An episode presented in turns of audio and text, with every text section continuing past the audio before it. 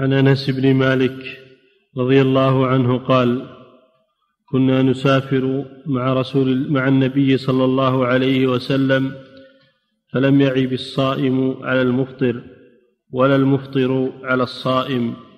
نعم وهذا أيضا يدل هذا الحديث يدل على أنهم كانوا يسافرون مع النبي صلى الله عليه وسلم في رمضان. يسافرون مع النبي صلى الله عليه وسلم في رمضان. وأن منهم من يفطر ومنهم من يصوم ولا يعيب أحد على أحد لا يعيب المفطر على الصائم ولا الصائم على على المفطر. فدل على جواز الأمرين الإفطار أو الصيام.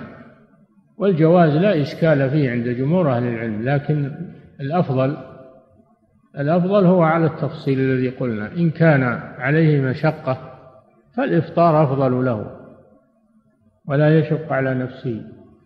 أو كان يحتاج إلى الإفطار من أجل عمل يقوم به في السفر كأن يخدم المسافرين أو هو مستأجر مع المسافرين يقوم بعمل وإذا صام يشق عليه فالأفضل له أن يفطر.